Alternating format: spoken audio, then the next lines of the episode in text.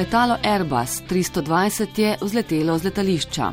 Po treh minutah poleta proti Severni Karolini so potnike obvestili, naj se pripravijo na zasilni pristanek. Oba motorja so namreč onesposobile jate kanadskih gosi. Letalo je zasilno pristalo na reki Hudson. Vsi potniki in člani posadke so preživeli.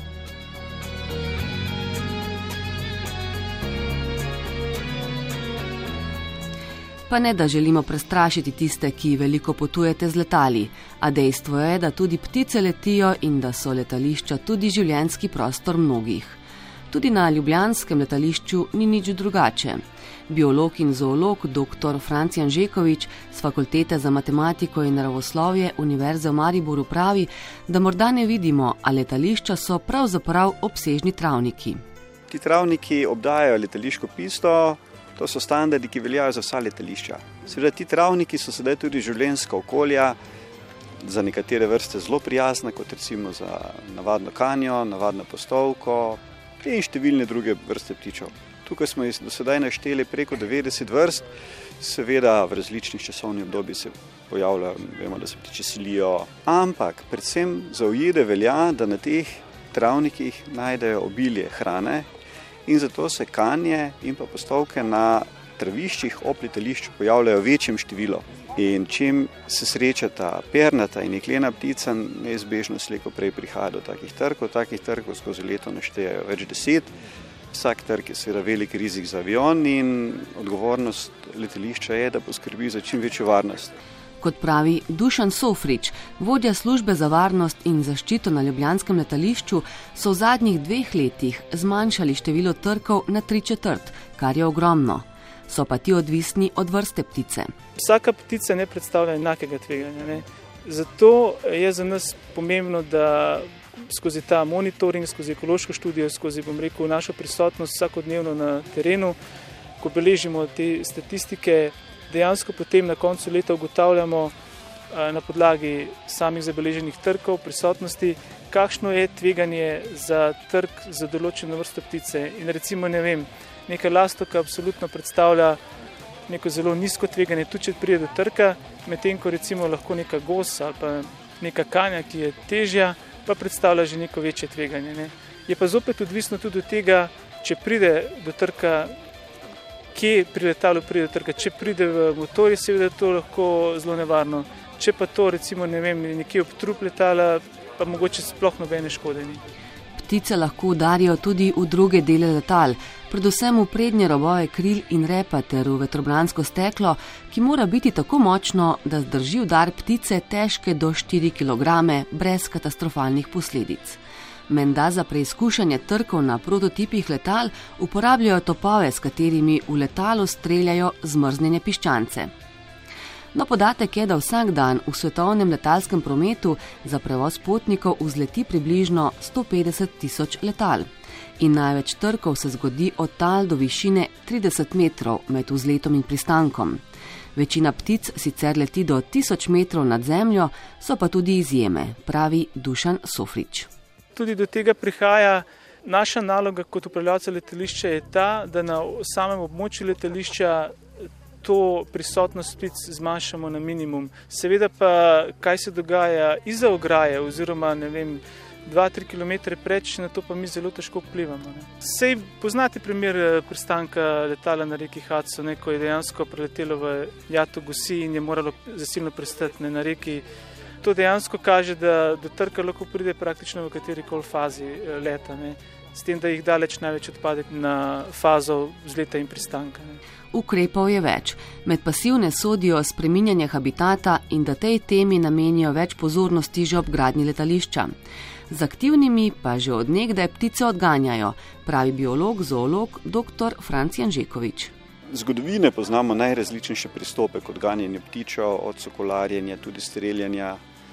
V glavnem so se izkazali za neučinkovite, Eh, ali pa z razvojem znanosti bolje razumemo ekologijo teh vrst in z bolj danes spremljivimi, ekološko spremljivimi, družbeno odgovornimi eh, metodami pristopamo k odvračanju ptič z letališča. Naš pristop, ko smo razumeli, kakšne so vzročno-posledični odnosi med eh, travišči, voluharicami in prisotnostjo kan, eh, smo dajali letališke upravi usmeritve v višini travi, trave, torej višja trava, slabše dostopne, slabše vidne so te voluharice, uporabljali so tudi nekatere eh, rodenticide za zmanjšanje števila voluharice. Na tak način nam je tudi uspelo zmanjšati število kan in posledično zmanjšati število trgov. No, na ljubljanskem letališču imajo tudi službo za upravljanje in nadzor letališča. Krištof nam je povedal, koliko dela ima ta. Ja, teh uvir je kar, no, glede na malo, odvisno tudi od sezone. Poznamo sezonske selivce, ki nam naredijo veliko težav, škode tudi, ker niso navajeni na ta promet tukaj in okolje. Potem imamo domačo populacijo ptic, ki se nekako navad na vsta živžav in se tudi zna umakniti. Predvsem so kle najbolj izpostavljene vrane, ki jih je res veliko ampak so zelo uh, inteligentna bitja in se blazno fino umikajo in z njimi nimamo težav. Bolj so težave kanje, pa postovke, pa ostale zdaj že tudi nekatere druge ujede, no, ko so se naselile. Običajno sicer letala trka sploh ne zaznajo, lahko pa se zgodi, da se okvari motor. Lani se je tako na ljubljanskem letališču zgodilo, da je tovorno letalo pri vzletu zadelo jato škorcev, pri čemer je odpovedal eden od motorjev, zato se je moralo letalo vrniti. To je bila jata škorcev, eh, to je bilo v obdobju zmanjšane vidljivosti megle. Pač to se ne da preprečiti, ker niso niti posadka, niti noben fizično ne moreš videti skozi meglo, ne se ne da in so zapeljali njih. Je bilo sicer nekaj škode umazanije, ampak nevarnosti prave pa ne. Služba za upravljanje in nadzor letališča nadzira manevrsko površino, vzletno pristajalno stezo kot najbolj pomembno, okolico ter poti, da na teh površinah ni ptic.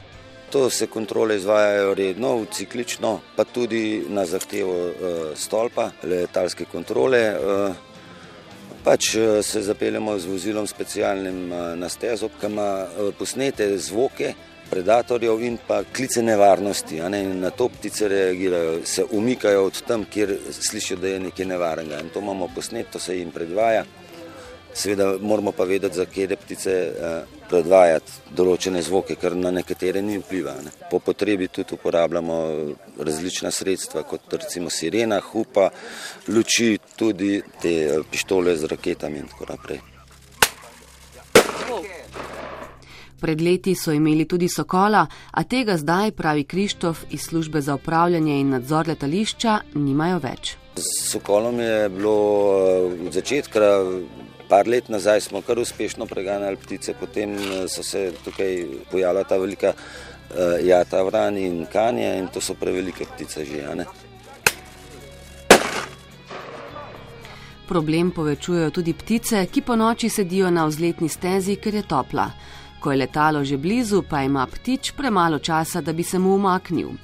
Treba je vedeti, da naprimer motor Airbusa 320 pri vzletu povleče 300 kubičnih metrov zraka na sekundo in tak motor posrka vase vse v radiju 5 metrov. Lahko bi tudi človeka.